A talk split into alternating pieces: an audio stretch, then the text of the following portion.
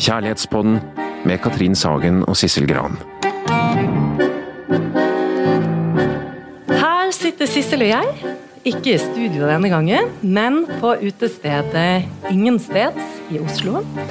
Men vi skal gjøre det vi alltid gjør i Kjærlighetspodden, der vi utforsker det store temaet kjærlighet. Vi spør oss alltid hva er kjærlighetens bestanddeler? Når blir noe kjærlighet? Hvordan varer kjærlighet? Hvorfor knuses den, og hva kan man gjøre for å få den til å vare? Og en rekke andre spørsmål. Kjærlighetspoddens ambisjon er å by på alt det du trenger å vite om kjærlighet. Ja, det er riktig. Men eh, i dag så er temaet digital dating. Eh, og her skal vi utforske hvorfor mange møter mellom håpefulle mennesker ikke resulterer i kjærlighet. Eh, og Forfatter Ellen Sofie Lauritzen er vår gjest. Velkommen til Ellen Sofie.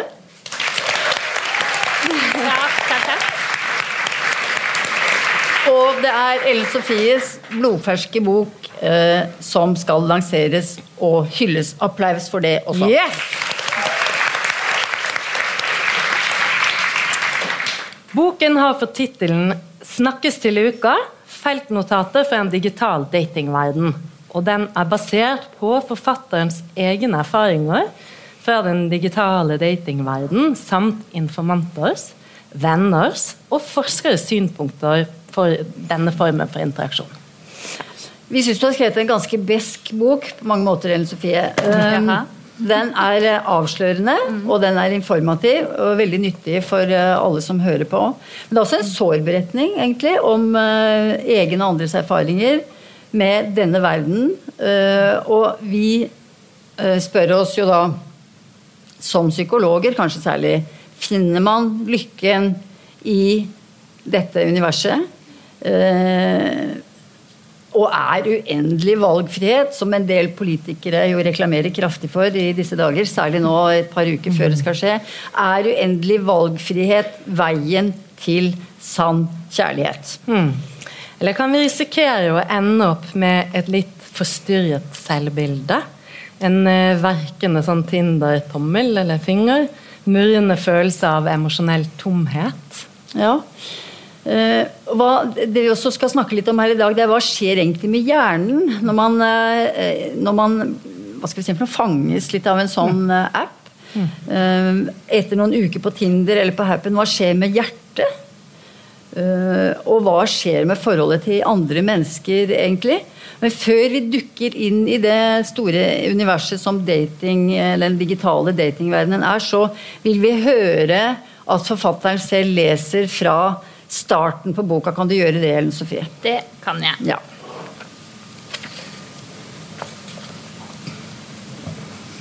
Han.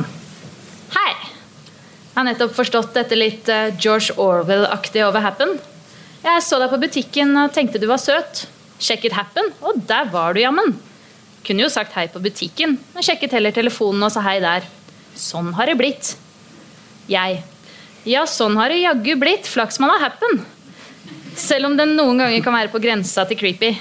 Nå lurer jeg selvfølgelig på hvilken butikk. Jernia, Meny, Sultan, Rema. Han.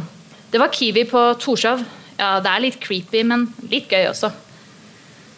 Jeg nevner ikke at jeg aldri har vært på Kiwi på Torshov. Men eh, jeg noterer meg at han skriver Torshov feil. Skrivefeilen er et obs-varsel. Vet han ikke hvordan Torshov staves? Kan dette være en type for meg? Men han er fin på bildene. Store, pene øyne, et godt blikk. Han får passere. Samtalen er i gang. Vi skriver til hverandre fram og tilbake om hvor vi vokste opp, hva vi driver med, hvilke TV-serier vi liker, og har jeg lest noen gode bøker i det siste? En byttehandel tar form. Hvis jeg tar med en bok til ham, skal han låne bort- en TV-serie til meg. Vi peiler oss inn på søndag kveld. Ikke forventningsfulle fredag med tilbakelagt arbeidsuke og helga som en stor, åpen slette foran en. Ikke hakket mer desperate lørdag. Nei, søndag er trygg, lun og avslappet. Nesten som en bonuskveld. Ingen forventninger, ikke noe press. Man tar et glass, og så går man hjem. Da vi avtaler å møtes, på torsdag, kjenner jeg en velkjent kribling. Dette kan bli fint. Men søndag er også dagen man gjerne kan føle seg litt blå. Og når den kommer, har jeg mest lyst til å avlyse. Det er desembermørkt og frost på bakken, kroppen er tung i sofaen, og tanken på å ta på seg maskara og fikse det vinterflate håret og forsøke å stappe ullstillongsen inn i de trange buksene frister lite. En melding tikker inn. Den er fra ham. Er vi fortsatt på klokka ni? Jeg skulle akkurat til å skrive til deg. Jeg er blitt sjuk og må dessverre avlyse. Skriver jeg. Visker det ut. Skriver i stedet. Det er vi. Ses. Det som egentlig holder meg tilbake, er ikke mørket og vinterkulda, men tanken på å klatre opp på en barkrakk for å snakke med og forsøke å imponere en fyr jeg aldri har møtt før, og sannsynligvis aldri kommer til å møte igjen. Jeg kjenner det i hele kroppen. Jeg orker ikke. Orker ikke flere skuffelser, orker ikke lytte til flere historier. Orker ikke den potensielt pinlige situasjonen som oppstår når den ene vil ta et glass til, og den andre bare vil stikke hjem alene. Men jeg vil heller ikke at sjansen skal gå fra meg. Hva hvis dette mennesket viser seg å være selve mannen? Eller i hvert fall en å henge med fram til han dukker opp? Tør jeg virkelig å gå glipp av det? Ja. Det er bra.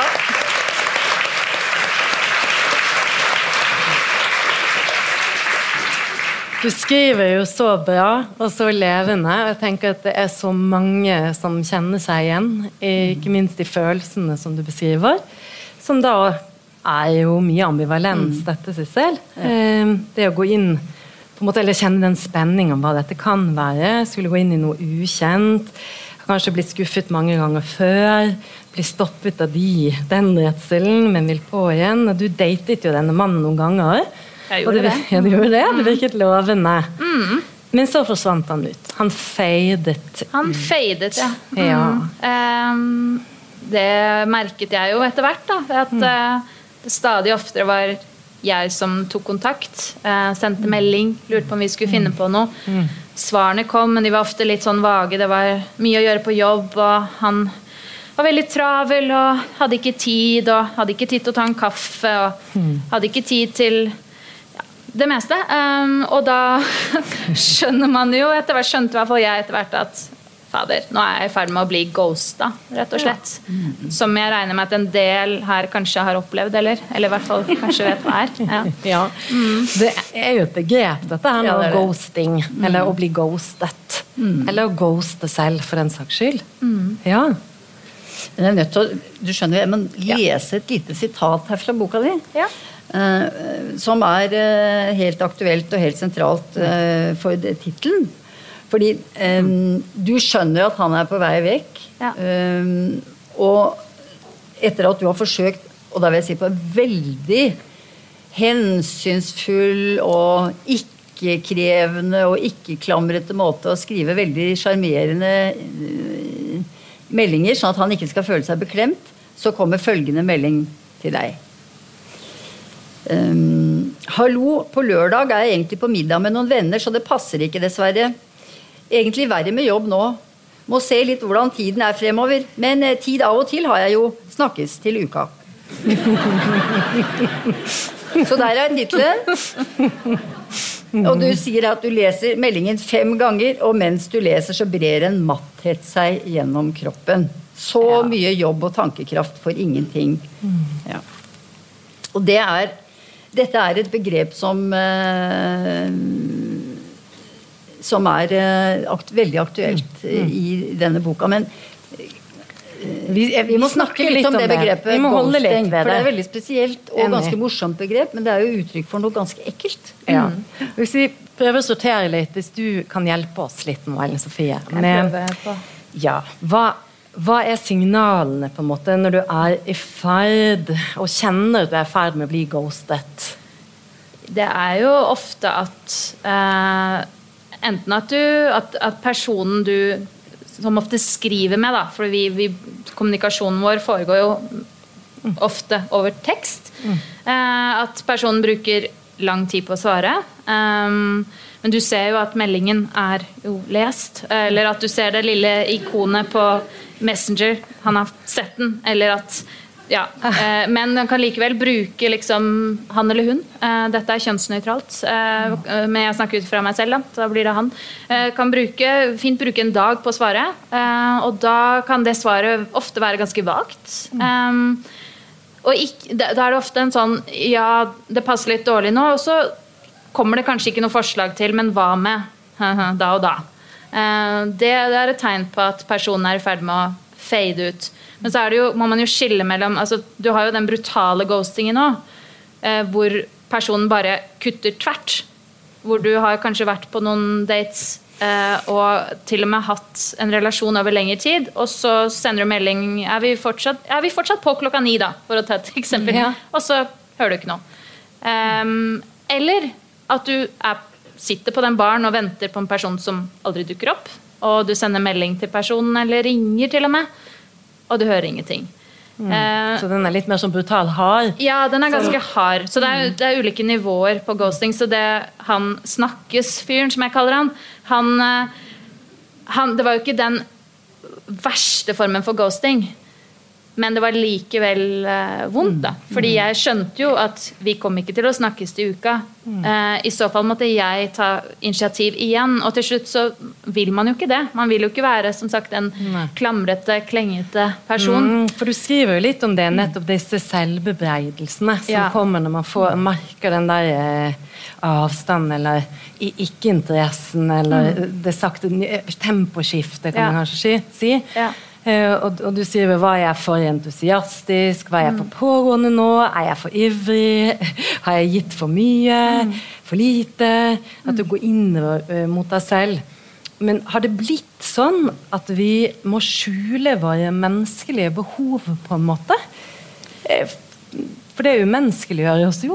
Ja, det gjør jo det. Um, ja, altså Jeg har i hvert fall merket det selv at, at når du blir ghosta, når du merker at, at personen er i ferd med å forsvinne det, altså det har jo alltid, Ghosting har jo på en måte alltid Ja. vært der. Man har jo sittet ved telefonen, og sikkert ja, foreldregenerasjonen har jo måttet sitte og vente. Eh, men det som er det nye, da, bare for å ta det, det er jo at ghostingen er mye mer synlig nå, fordi vi hele tiden ser at personen er på telefonen sin. At vi ser at personen liker noen bilder på Instagram, men han gidder ikke å svare. Vi ser at personen er aktiv på Tinder, men har bare liksom forsvunnet. Eh, og det er den synligheten der som kan kanskje gjøre, eller føles ekstra brutalt. Og til det spørsmålet ditt om det ja, har blitt liksom eh, Jeg tenker vel at at det, det er vel noe med disse appene, da. At det fører vel med seg en sånn At man er kanskje blitt mer nonsjalant eh, i måten man uh, dealer med andre mennesker på. Jeg merker at jeg misliker det enormt. Og jeg tilhører en generasjon hvor man selvfølgelig drev med sånn venting og sånn, men Ja. ikke på denne måten. Og det som jeg tror at vi fikk litt mer lov til, det var å være veldig ivrig. Ja. Eh, og være veldig på. Å være veldig entusiastiske, og kanskje litt for mye. Og sånn, men det var lov, og det var det man skulle være. Man skulle liksom klenge seg på alt man kunne. ikke sant? Mens nå er liksom trenden avslappet. Han skal være kul. Veldig kul, tilbakelent. Dette betyr ingenting Nei for da. meg. Det spiller ingen rolle om han sender et signal eller ikke. Og nei, det jeg har så mye annet i livet mitt som er så viktig, jeg, så det har, Nei da, nei. Han, han, du hørte ikke noe fra? Nei, men å nei, nei, men det gjør ingenting. Nei det, nei, altså, det er jo en holdning som jeg tenker Det er jo det motsatte av hva man må gjøre hvis man vil ha en kjæreste. Så dette er jo helt feil. Det er ikke rart dere ikke finner noen. For det, det er jo helt gal fremgangsmåte. Ikke sant? Ja. Men på en eller annen måte så har dette blitt trenden. Ja, det er helt Og det samme jeg må jo Når jeg er i gang, vet du men så er det. Sånn syns jeg veldig mye av dagens musikk her også. Veldig slapt og slepent. Og jeg kjeder meg jo i hjel med det meste. Jeg syns klærne er sånn. Slapt og slepent. Og det er liksom ikke noe futt. Det er ikke noe krutt. Det er ikke noe Hva er det med dere, da? Det har gått helt ut. Det har gått helt galt. Nå syns jeg ja, nettopp. Ja. Det måtte bare få det ut. Ja. Ja, men det er veldig bra. Ja. Ok.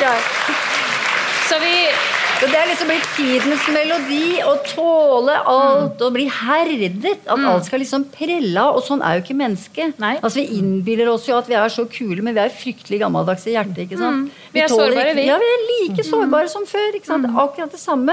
Men det er også en veldig sånn fasade. Men nå må du lese litt Ja. om ghosting. Ja, Side 69. Vi vil dit. Nå gjør vi det. Skal vi se. Ok, skal jeg lese ikke side 62, altså? Nei. Nei. Vi liker 69, vil Skal vi ha. vent litt nå. Det er lov Jo. å si. Der har du det, vet du. Ja. Det Fra der til Ja, der. da gjør jeg det. Er du ikke enig i det? Jo, det kan det vi er godt ganske fint, det. Begynne Du har skrevet det selv. Ja, jeg har skrevet det selv, men jeg har ikke lest igjennom dette. Altså. Ja, men det er ingenting. Du kan det. ja. Moderne ghosting, også kjent som the fade away, betyr å fase noen ut, bli borte. Og det kan være mer ubehagelig enn spøkelseshistorier. Den som ghoster, forsvinner fra relasjonen hun er i, kutter ut den andre personen helt og holdent, ignorerer tekstmeldinger og telefonoppringninger uten å gi noen forklaring på hvorfor forholdet er slutt, i håp om at personen skal ta hintet. Ingen 'det er ikke deg, det er meg'-samtale. Ingen 'sorry, du er topp, men dette funker ikke'-SMS. Spøkelsene de spøker for å fortelle oss at de er der. De forsvinner ikke, du blir ikke kvitt oss så lett, hvisker de mens de rasler på loftet, tasser over gulvet, åpner døra med et knirk. Sånn er det med ghosterne også. Selv om de forsvinner fra livet ditt, rasler de rundt på sosiale medier. Du merker at de er der, selv om de ikke svarer akkurat deg. Det hadde spøkt for flere av vennene mine de siste månedene. Han ghostet meg sikkert, sa en venninne og trakk på skuldrene da jeg spurte om hvorfor hun ikke hadde møtt han søte fyren fra Tinder flere ganger. Ja, hun sluttet å svare på meldingene mine. Jeg tipper hun ghostet meg, sa en kompis da jeg spurte hvordan det gikk med hun fra Happen. Det som for få år siden ble sett på som uhøflig, ja, egentlig ganske respektløs, hadde blitt en greie. En del av det å date. Ja. Ja, der er vi tilbake til det der med at vi ikke skal bli berørt. Ja. For det, hva gjør det egentlig med et menneske å bli ghostet? Å bli uviktig, å bli ignorert? Hva gjør, hvilke følelser er det som oppstår? Når du blir usynliggjort. Ja. for Det er det vi snakker om Ja. nå. Det er veldig viktig dette, denne definisjonen av ghosting, for det er det som er det gøye med begrepet. da. At det er et spøkelse, og Ja. et spøkelse rasler med lenkene på loftet. ikke sant? Men her altså Du ser blubb, blubb, blubb, blubb, at vedkommende er aktiv Ja. på en eller annen date. Så du er på en måte med på ghostingen, Ja. eller du er en del av den Ja. ved at du Den som, den som blir ghosta, ser jo at han eller hun blir ghosta, skjønner jo hva som er i ferd med å skje, men kan liksom ikke gjøre noe. Eh, Spøkelset er der. Ja.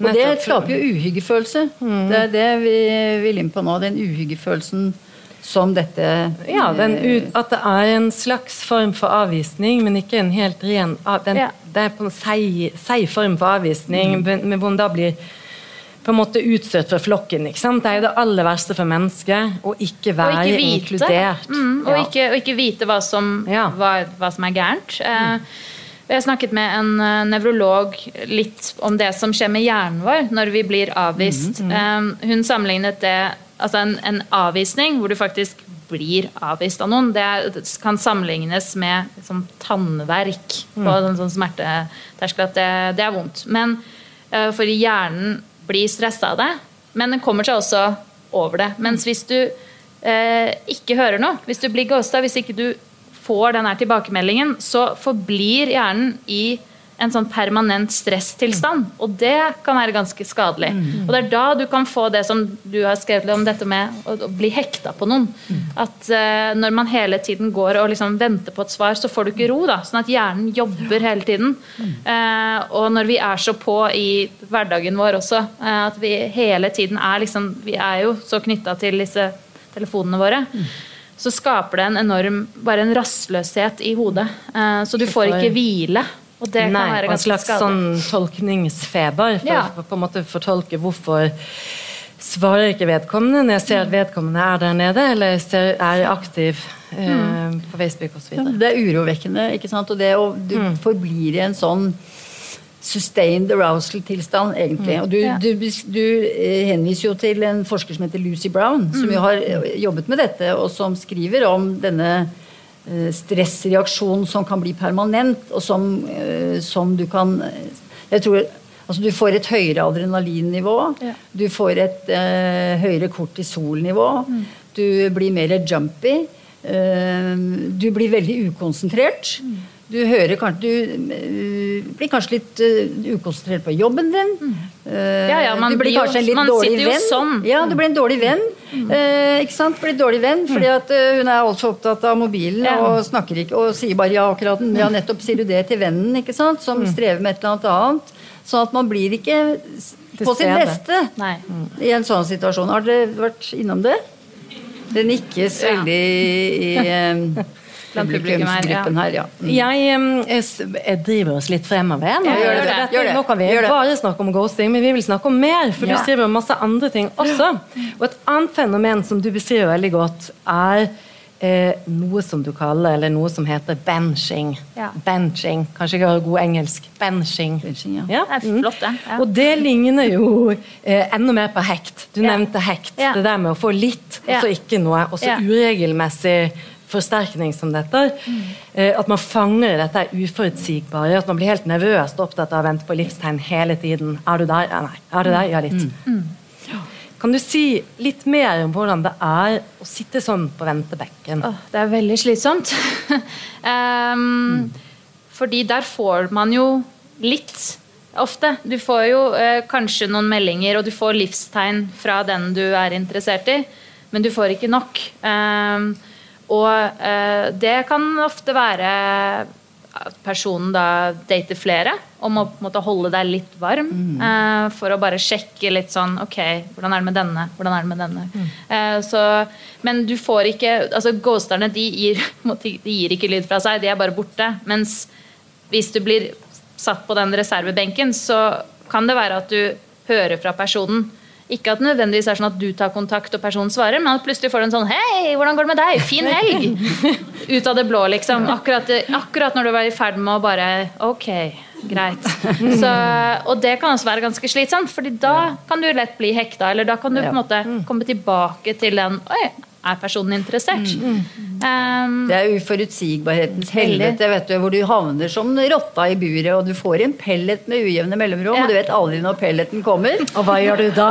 Ja, Da trykker du. Trykker du til, på 50 ganger til pelleten kommer, og så kommer den etter 50 ganger og 55 ganger og 90 ganger, og så blir du sittende og det er jo der. veldig slitsomt. Ja, da blir man eh, rotta i sitt eget eksperiment, på en måte. Og det tror jeg veldig mange har opplevd. eh, Og det er ikke gøy å være en sånn eh, betinget rotte. Nei. det er det ikke. Og det er også veldig dårlig gjort å gjøre sånn med folk. Vi skal foregripe litt grann, Ja. bare si Mm. litt om hva som foregår når folk gjør det der. Fordi man tenker jo altså Nå er jo, begynner jo folk å bli ganske drevne og skjønne at man dater mange og har minst én brenner i lomma mens du sitter og snakker med en på kafé. Og det er jo derfor det aldri blir noe kjæresteopplegg av noen ting. Fordi at man ikke klarer å konsentrere seg om den man sitter og snakker med her og nå. Men tenker på liksom de to andre mulige som ligger der og brenner i lomma på smarttelefonen. Men jeg snakket med en drosjesjåfør uh, som uh, spurte hva jeg hadde gjort. Jeg hadde vært et sted og snakket om uh, var det, utroskap eller noe sånt, og han sa veldig sånn usjenert at nei, han var utro hele tiden. og det var ikke noe problem, for uh, det visste, skjønte ikke konen. og men eh, jeg måtte forstå at dette var helt vanlig, fordi han kjørte jo fulle, pene unge menn hver eneste helg frem og tilbake til steder, og de snakket jo helt åpent om sitt Tinder-harem. Uh, altså alle disse som de hadde på gress, og alle de fire, fem, seks og syv som de da kunne ta kontakt med sånn innimellom. Og hvor uh, det viste seg, mente han, at nesten alle disse unge, vakre kvinnene trodde at de var den eneste. Mens de var egentlig ufrivillig medlemmer i et harem. Ja.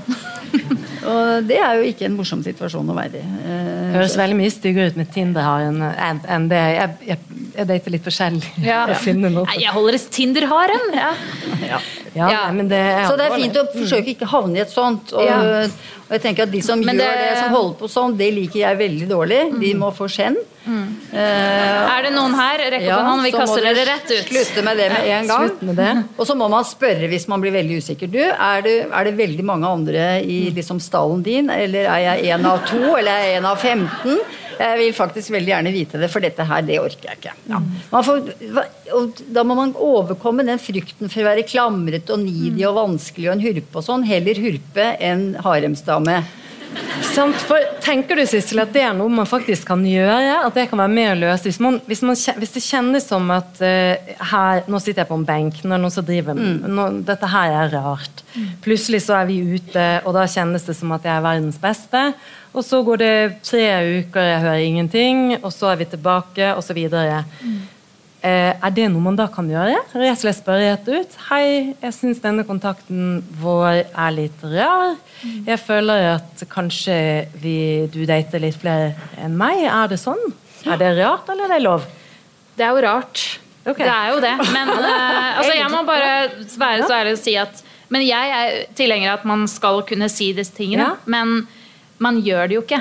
Man, man sier ikke det, dessverre. butter, butter med den avslappet, tilbakelent, Ja, ja. jeg ingenting alt Eller at man bare er redd for å da ikke Skremme vedkommende, Ja. Mm. skremme vedkommende vekk. Eller at, at den personen da skal tenke at nei, han her eller hun her Mm. orker jeg ikke. Det her blir for mye. Ja. det er jo det eh, som er kanskje det skumleste, ja, det skumleste med de appene. Eh, dette med at man hele tiden kan velge noe nytt. Da. Ikke sant? At du har alle de mulighetene. Eh, og da er det så lett å tenke selv, hvis man sitter og er med på det, at ja, men hun eller han kan jo bare sveipe videre. Så jeg må ikke være for krevende.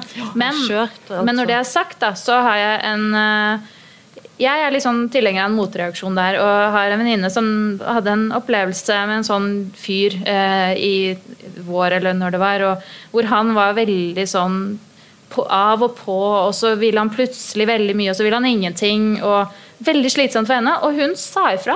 Og det syns jeg var så utrolig deilig å høre. Eh, og selv om hun da visste at ok, det blir ikke noe mer her, men man vil vel ikke være med en som er så av og på uansett. tenker man. Så det, det er kudos. Og jeg skulle ønske at jeg hadde vært like tøff noen ganger og bare sagt at det her syns ikke jeg noe om. Du får oppføre deg ordentlig. Eh, Vi er jo tross alt voksne mennesker. Så ja. Jeg, jeg håper er at alle kan følge følge en det slags revolusjon i dette språket. Vær med menneske, ikke vær Vær litt, og vær grei. Vær litt okay. grei. Ja. Det skal vi komme tilbake Ja. til litt senere, for du har nemlig noen eh, slags råd. Vi skal komme til de, Men før vi går dit, så må vi snakke litt om avhengighet. Ja. Eh, for dette med bilder det menneskelige ansiktet, fanger oss, og vi er liksom veldig tiltrukket av det. Og vi vet jo også at eh, den, denne bildestrømmen på Tinder, det gjør masse med hjernen. Vi har, det er masse forskning på babyer som, hvor vi ser at de er, eh, vil alltid foretrekke å se på et ansikt fremfor alt mulig annet. Både ekte ansikt eller sånn Papplatte. runding, papplatte med smil og øyne. Ja. Spedbarnets hode går dit. Så det er noe med at vi er konstruert til like ansikter. Ja. Så hvor, hvorfor sier jeg dette, Sissel? Jo, du sier jo det fordi Tinder det er jo, det er jo et bildesveipegalleri. Altså Hvor det ene, det ene bildet etter det andre, eh, ofte smilende. Men du har jo også selvfølgelig mann med fisk. Ja. Mann med Eller, båt. fisk, eller, fisk med mann. eller Eller kvinne hoppende på en fjelltopp. Dame hoppende Så på er- fjelltopp. ja, Ja, ja. da, så Ja. Det er ikke bare sånne smilende Nei, ansikter, men det er mye, men det er mye fjes. Det, det er mye, Mye fjes, ja. ansikter, og det er mye hyggelig utseende ansikter. Og det er vi, Er det beste? det er vi programmert til å bli opptatt av. Mm. Altså Hjernen vår vil ha det. Ja. Og det, det er derfor det er så effektivt eh, å lage en app som er basert på bilder av det menneskelige ansikt. Ja. Mm. Fordi Som primater, for det er vi, eh, er vi programmert til å elske akkurat det. Mm. Og det eh, For hvert sånt vakkert eh, eller hyggelig smilende ansikt, så stimuleres eh, belø- belønningssenteret i hjernen, og vi får en bitte liten dopamindusj. Altså Hvis du er frimerkesamler, så får du dopamindusj hvis du ser et nytt frimerke. Og hvis du er på Tinder og, og leter etter en hjertens kjær, så får du en liten dopamindusj hver gang du ser et ansikt som du tenker at kunne være noe for deg. Poff, sier det da i hjernen, og så, så uh, dusjes du av det hormonet der, og så betyr det at du kommer deg aldri derfra. Og det er noe av forklaringen til at det er, dette her, det vi snakker om nå, er jo noe av det som ligger bak hvorfor Eller én grunn til at man blir avhengig av dette instrumentet, eller hva jeg skal si. Denne eh, skogen av mennesker. Ikke sant? Det er dit vi er på vei nå, og vi skal inn eh, Vi skal inn videre inn til et annet begrep nå, som handler om nettopp det vi prater om. Jeg tør nesten ikke å si det, for jeg, eh, det er så lett å si det rett ut. Foman. Foman mm. ja. Det er jeg som har funnet på det Det er veldig fint. Um, Det er jo en vri på FOMO. Altså, ungdommene driver jo med FOMO, fear of missing out. riktig. Derfor så er jo unge jenter på, på smarttelefonen sin hele tiden og skjønner ikke hvorfor de egentlig er eh, søvnløse, utmattede, ukonsentrerte og triste. Alle tror at de har fått en depresjon, men det har de ikke. Det er bare en rein overveldelsesreaksjon. ikke sant? Så det, Det er jo helt latterlig at man ikke forstår det snart. At det er det det handler om. Men eh, fordi det er, eh, det er evig strøm. Altså fordi de er så redde for å gå glipp av noe. Men du har laget et begrep. Ja. Du har avledet et begrep fra FOMO Ja. til FOMA. Fortell litt om det. Ja. Fear of missing a match er vel det, da. Fint. Eh, at man legger ikke fra seg den telefonen fordi hva hvis det fins en match bak neste kort og neste kort og neste kort og neste kort og neste kort, og den bunken blir jo aldri mindre. Bortsett fra hvis man reiser til en bitte liten by og har sånn radius på tre kilometer, så vil jo den bunken bare fortsette og fortsette og fortsette. Og fortsette. Og her skal du lese litt igjen. lese litt igjen? Ja. Fra side 123. Fra her, da. Fra der, Ja. og så ned Til, ja, nettopp.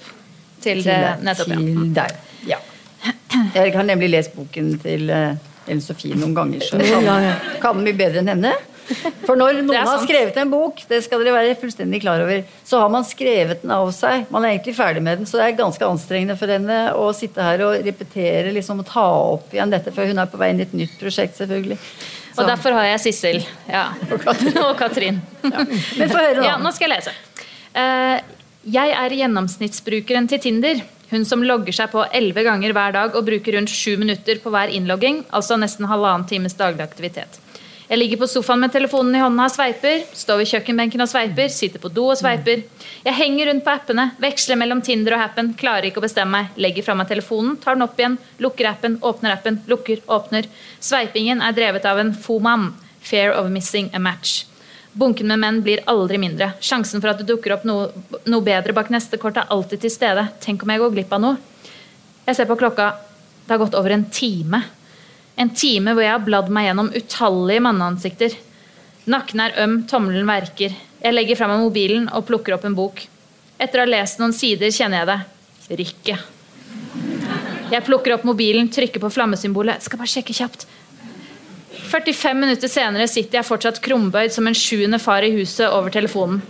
Hva er det som skjer med meg? Barnehagearbeider og hobbygitarist Lars hadde også kjennskap til rykket.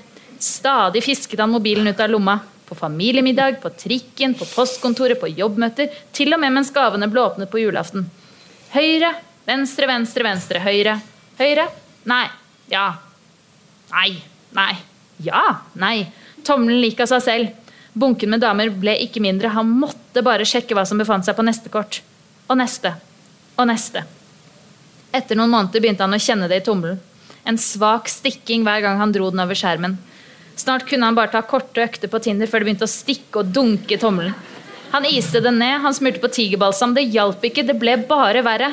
Han fikk påvist senebetennelse i tommelen, men han fortsatte sveipingen. Først da han ikke klarte å klimpre på gitaren lenger, ga han seg selv Tinder-karantene.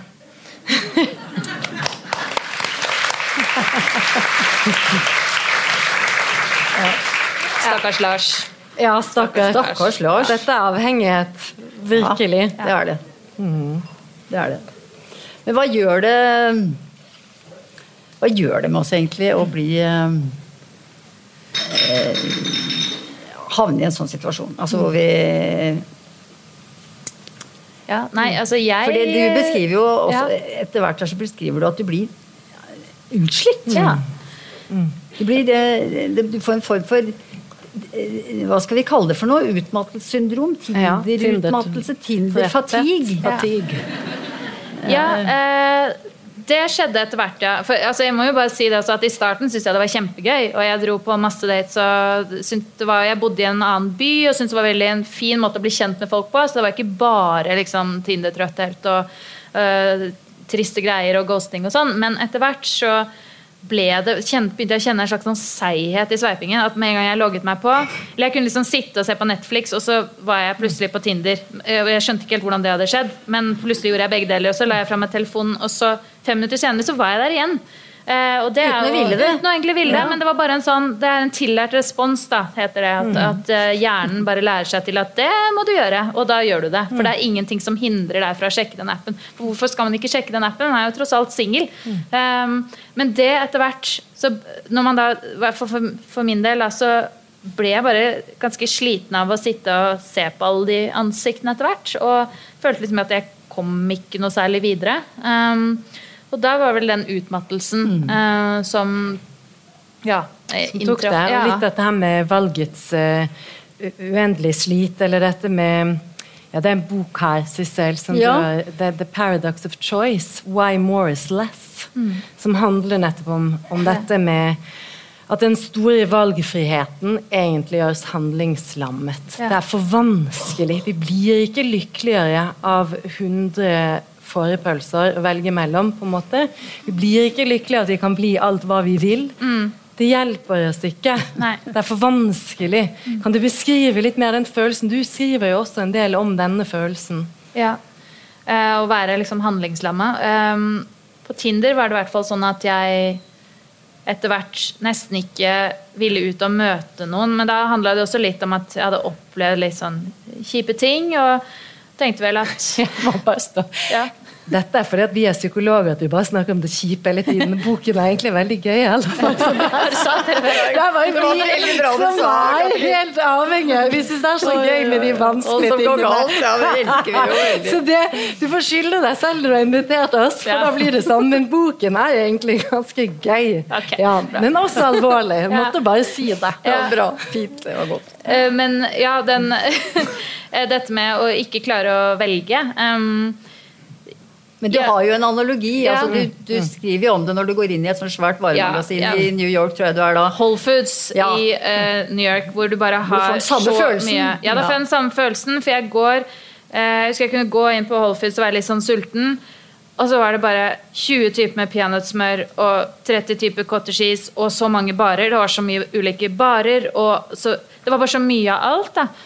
Og jeg, jeg klarte ikke å velge, særlig hvis man da er litt sulten og litt sånn sliten. Eh, så endte det med at jeg bare storma ut igjen etter å ha gått rundt og sett på alle de, og les liksom på For da vil man jo finne den beste, det beste peanøttsmøret, selvfølgelig. Og da må man jo kikke på alle for å se, liksom, lese på pakningsveien I hvert fall er jeg litt sånn. Eh, og det Ja, så det å kanskje jeg synes det, var, det var veldig fint. eh, faktisk jeg var i eh, Danmark på en sykkeltur i sommer, så sykla vi ned til en sånn liten Superbruksen eh, nede på en, ja, ute i Hauti. Og der var det ikke så mye. Det var, det var, de hadde litt vin og de hadde litt mat, men de hadde liksom bare det de hadde. Og da måtte man bare ta det de hadde. Og det var egentlig veldig fint. Da. At Ja. uh, Vi hadde ikke liksom 20 typer peanøttsmør, men det ble jo det ble mette. det. Så bra. noe peppermakrell og ja, ja. Så mennesket har ikke nødvendigvis så godt av å ha altfor mange valg. Nei. Nei. Og det har vi jo helt utallige helt Utrolig mange valg på, på disse appene. Og den Tinder-trøttheten eh, som jeg beskriver i boka, handlet vel også litt om at da var jeg både på Tinder og Happen. Så det var liksom Og på Happen, der er du jo det er, det er sikkert en del som vet, men for de som ikke vet, så er det da en, en radius på 250 meter. At du får liksom opp folk som er inn, innenfor denne radiusen på 250 meter. Så da må du sjekke hele tiden hvem som har gått forbi. Og jeg kunne våkne opp om morgenen eh, på Torshov der jeg bor, og se at oi, den og den og den og den og den har gått forbi deg nå de siste par timene. Men de har jo, det er jo bare folk som bor rundt i nabolaget. Ganske creepy, egentlig, hvis man tenker på det. Um, men, men det ble også en slags sånn Etter hvert så ble jeg bare sittende og se på den lista, men jeg orka liksom ikke forholde meg til det. Gjøre noe med det. Ok, Vi skal snakke om noe som er enda verre. Altså fordi, apropos at eh, vi skal bare være opptatt av det forferdelige. fordi at Du skriver faktisk en del om noe som vi syns er ganske viktig. Du skriver om farer. Ja. Eh, og det som er så interessant, dette, og som er noe som heter eh, gjentatt eksponering, er det et fenomen som heter i psykologien altså hvordan, hvordan bli kjent med noen, og hvordan tro at du kjenner noen. Eh, og det er et veldig godt sjekketriks hvis du f.eks. på jobben stadig fremstiller deg foran vedkommende, eller mm. bare hva skal vi si, defilerer forbi eller sier hei. Og hei, og hei igjen. Så begynner nemlig det stakkars lille hodet vårt å tenke at å, men eh, kjenner ikke jeg han? Ja, Eller vet ikke jeg hvem hun hun er, og her var det noe trygt og Et godt. veldig bra sjekketriks. Det er, et Det er det beste, Det er det beste. Det er det aller beste. Det er det vi brukte før. Ah. Ja. Det er jo Det vi må ta tilbake. ja, ja, ja, selvfølgelig. Altså, hvor, du bare, og hvor du er ivrig, men ikke for ivrig. Men, men hvor du er hyggelig, sjarmerende og defilerer forbi med, og utsetter den andre for gjentatt eksponering. Det er Bare merk dere begrepet. Men det det som er skummelt med, med, det du beskriver, det er jo at du chatter jo Hvis du først har fått kontakt med en person, så går det litt sånn frem og tilbake. Man samtaler da med en person, mm. da, da, da, hei, og sånn og frem og tilbake, og så ser man på dette ansiktet og tenker at hm, ja, hyggelig. og til slutt så begynner man å tro, eller hjernen din da, begynner å tro at jeg vet, jeg kjenner ham, eller jeg kjenner henne. Og så går man på bar, og så treffer man vedkommende, og så gjør man noe veldig dumt. Og kan du være snill fortelle hva du gjorde, bare for å komme med en eh, advarsel til de som ikke har gjort dette før, da? Ja. Hva man kanskje skal være litt forsiktig med? Ja, det, jeg lot en fyr kjøpe et glass vin til meg. Du kjente ikke han, men du, hjernen din trodde at du kjente han litt. Ja. ja. Eh, for vi hadde chatta sammen en god del, og jeg hadde jo mm. stalka han litt på Facebook eller Instagram eller hva det var, og følte at eh, jeg kjente, kjente han. Og vi hadde kanskje ja, snakka sammen i ca. et kvarter, og så spurte han om han skulle kjøpe et glass vin til meg. Og så ja, det var jo greit. Og så drakk jeg litt av det glasset med vin, og da hadde jeg ikke drukket noe særlig på forhånd. Og så ble jeg plutselig sånn helt kanakkas drita full. Eh, og helt sånn ute av kontroll. Og jeg har ganske god kontroll på meg selv, men da var jeg helt ute av det. Eh, og han prøvde seg jo veldig, og det var veldig ubehagelig. Jeg kom meg til slutt hjem, og det gikk bra, men dagen etter lå jeg i fosterstilling i senga mi hele dagen. Eh, det kan være det var noe gærent med vinen. Men eh, jeg tror ikke det. Det skal også sies at dette var ikke i Norge, mm. men ja. Det kan skje her òg. Men i dette landet som da var USA, så har de faktisk utviklet en, neglelakk som man kan Hvis man eh, drar på date med noen, Ta så sånn. tar man oppi yes. sånn. Og hvis den skifter farge, så betyr det at noen har putta noe i drinken din. Um, wow. Ja. Så, men det var jo på en måte et skrekkeksempel. Men jeg tror det er, det er viktig å huske på Kanskje ikke akkurat det eksempelet, men bare sånn generelt. For, for det å dra ut og møte noen, det er helt greit, men det som har blitt en, Jeg vet ikke om jeg skal kalle det en trend, men i hvert fall noe som skjer stadig oftere, det er jo det å bare dra rett hjem til noen du ikke kjenner. Og det er der jeg tenker at der er det jo en, en forskjell på for Vi spiller jo dette spillet, men da er det en forskjell på liksom risikofaktoren på spillerne, rett og slett. Eh, ved at vi kvinner eh, er mer sårbare og ja. Så gjentatt eksponering kan føre til at vi tror at vi kjenner vedkommende ja. bedre enn vi gjør, og det kan folk med dårlige hensikter utnytte. Ja. Mm. ja. Du blir med Dracula hjem. Ja, eller, set, eller, eller, at du setter deg inn i bilen hans, da, sånn som en mm. venninne av meg opplevde. At hun uh, skulle møte en fyr. De hadde til og med snakka sammen på telefon. Eh, det var vel en fyr hun hadde møtt på en app som heter Bumble. Um, og, som er en annen av disse appene. Og så ville han ta en kjøretur. Og hun trodde jo de skulle gå ut og ta seg en øl, men han ville han sånn, kom kjørende og hopp inn i bilen. Og hun tenkte vel at jeg kan ikke si nei til det. Sånn høflig og hyggelig. og ja, ja, Satt seg inn i bilen, så merket hun jo ganske kjapt at det skulle hun ikke ha gjort. Og det ble en ganske ubehagelig kjøretur uh, som endte opp med at hun hoppet ut av bilen i fart. Uh, så jeg, som jeg skriver om i boka. Uh, så ikke avsløre for mye. Men det er ganske, ganske, dramatisk. Men det verste egentlig med den, den episoden der, var at hun skyldte på seg selv etterpå. fordi at hun ikke hadde fortalt noen av venninnene sine Eh, at hun var på vei eh, ut for å møte en fyr. Hun hadde ikke på Find My Friends-appen, eh, som de ofte pleide å ha på når de var ute på date. Så det i seg selv er ganske forstyrrende. At, mm. ja, at man må liksom Så ja. hvis vi skal komme oss litt inn på noe litt hyggeligere, eller avslutte litt inn i hva skal man gjøre? For du, du, skriver om masse forskjellig i boken din, og noe du skriver om, er selvrespekt. Mm. Det skriver du ganske fint og spennende om, syns jeg. Og er en sånn, i hvert fall sånn som jeg leser det, en nøkkel til hvordan overleve alt, alle, all denne avvisningen og typer avvisning og håp og, og, og tro og alt dette her. Hvordan, hvordan overleve noe med selvrespekt. Vil du si ja, du, vi kan jo kanskje gå, du lanserer jo de tre Tinder-budene. Ja. Kanskje vi skal gå rett på de, og at du sier litt mer om det? Eller? Ja. Mm.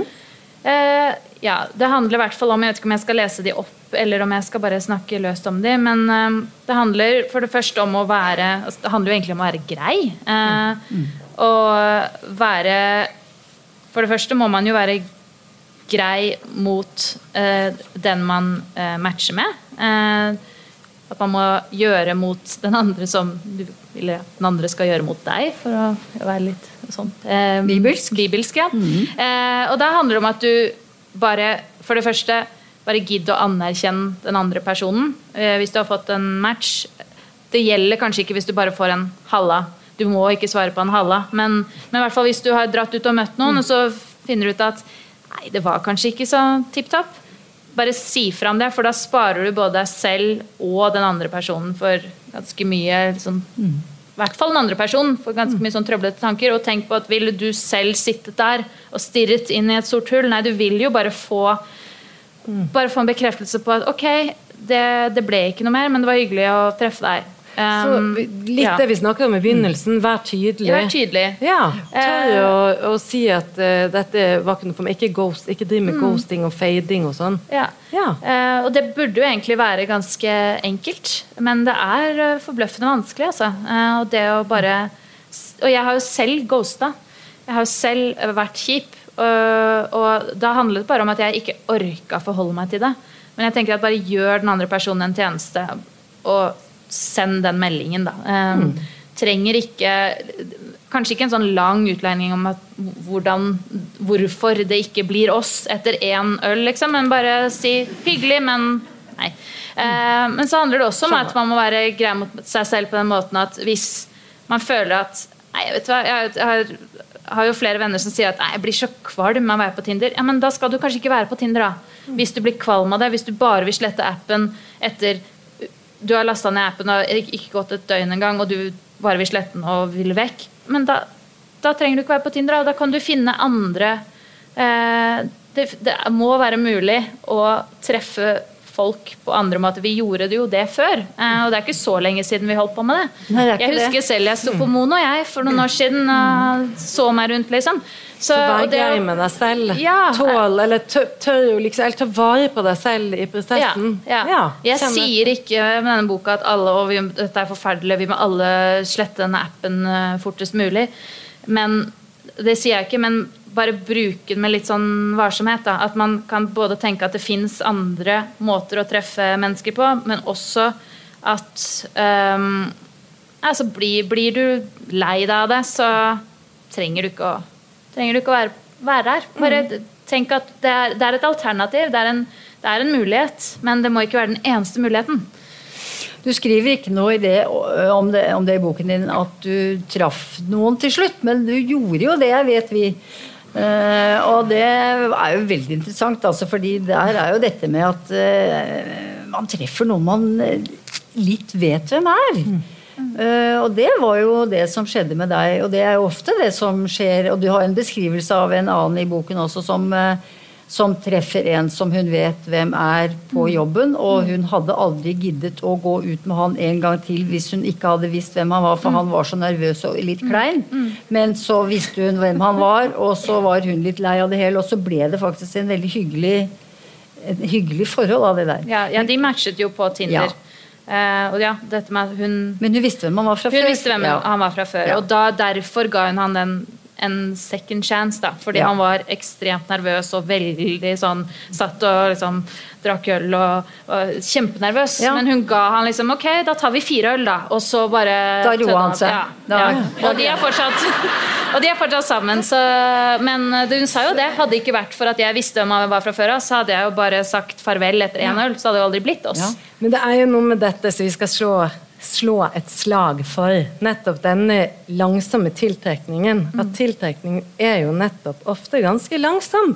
At inntrykket av den andre endres i takt med at vi blir kjent.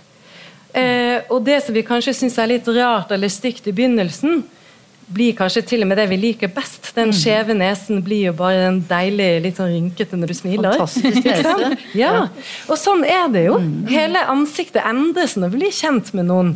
Og vi ser liksom dette med at vi plutselig begynner å se blikket til vedkommende, ikke bare øyeformen. men det blir noe mer når vi blir kjent. Og der trenger vi tid. Der er kroppen, hodet, hjertet langsomt og gammelt, eller?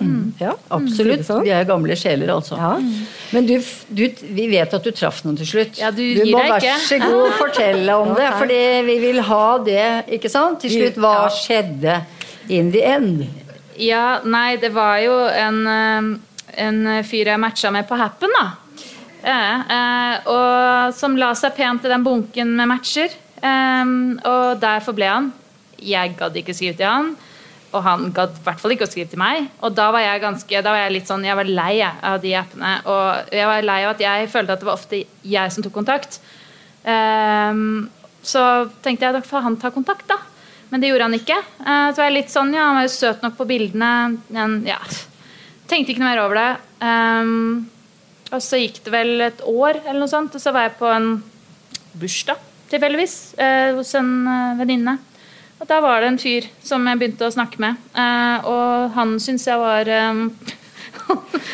Han var Han var søt. han var søt. Ja, jeg likte måten han liksom satt liksom bak liksom lent på barkrakken. Og jeg, jeg likte liksom stemmen hans. Og vi snakka og viste at vi begge to eh, hadde vært med i samme radioprogram, så det kunne vi snakke litt om. Og jeg hadde skrevet en sak om bowls, og det hadde han lagd, han lagde bowls, og det var liksom masse å ta tak i der.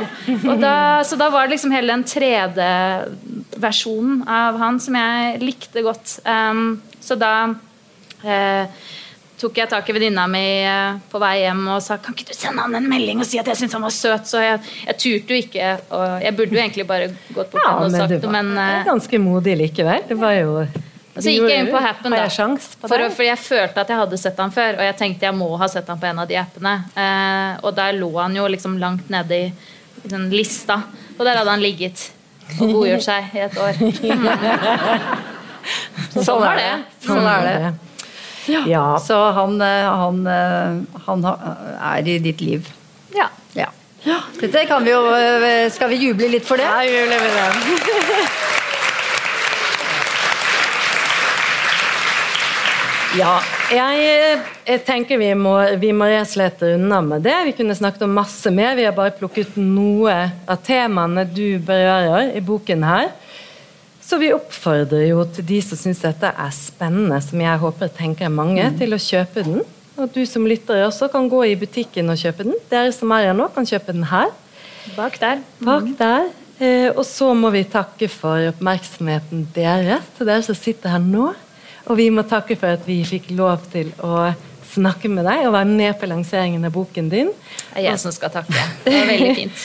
Og så vil vi selvfølgelig takke til deg som har lyttet til oss i dag.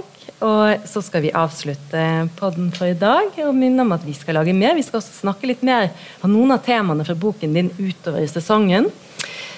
Så følg oss gjerne på Instagram eller Facebook, og så høres vi.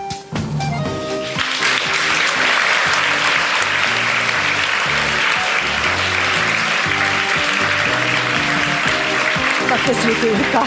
Snakkes i uka.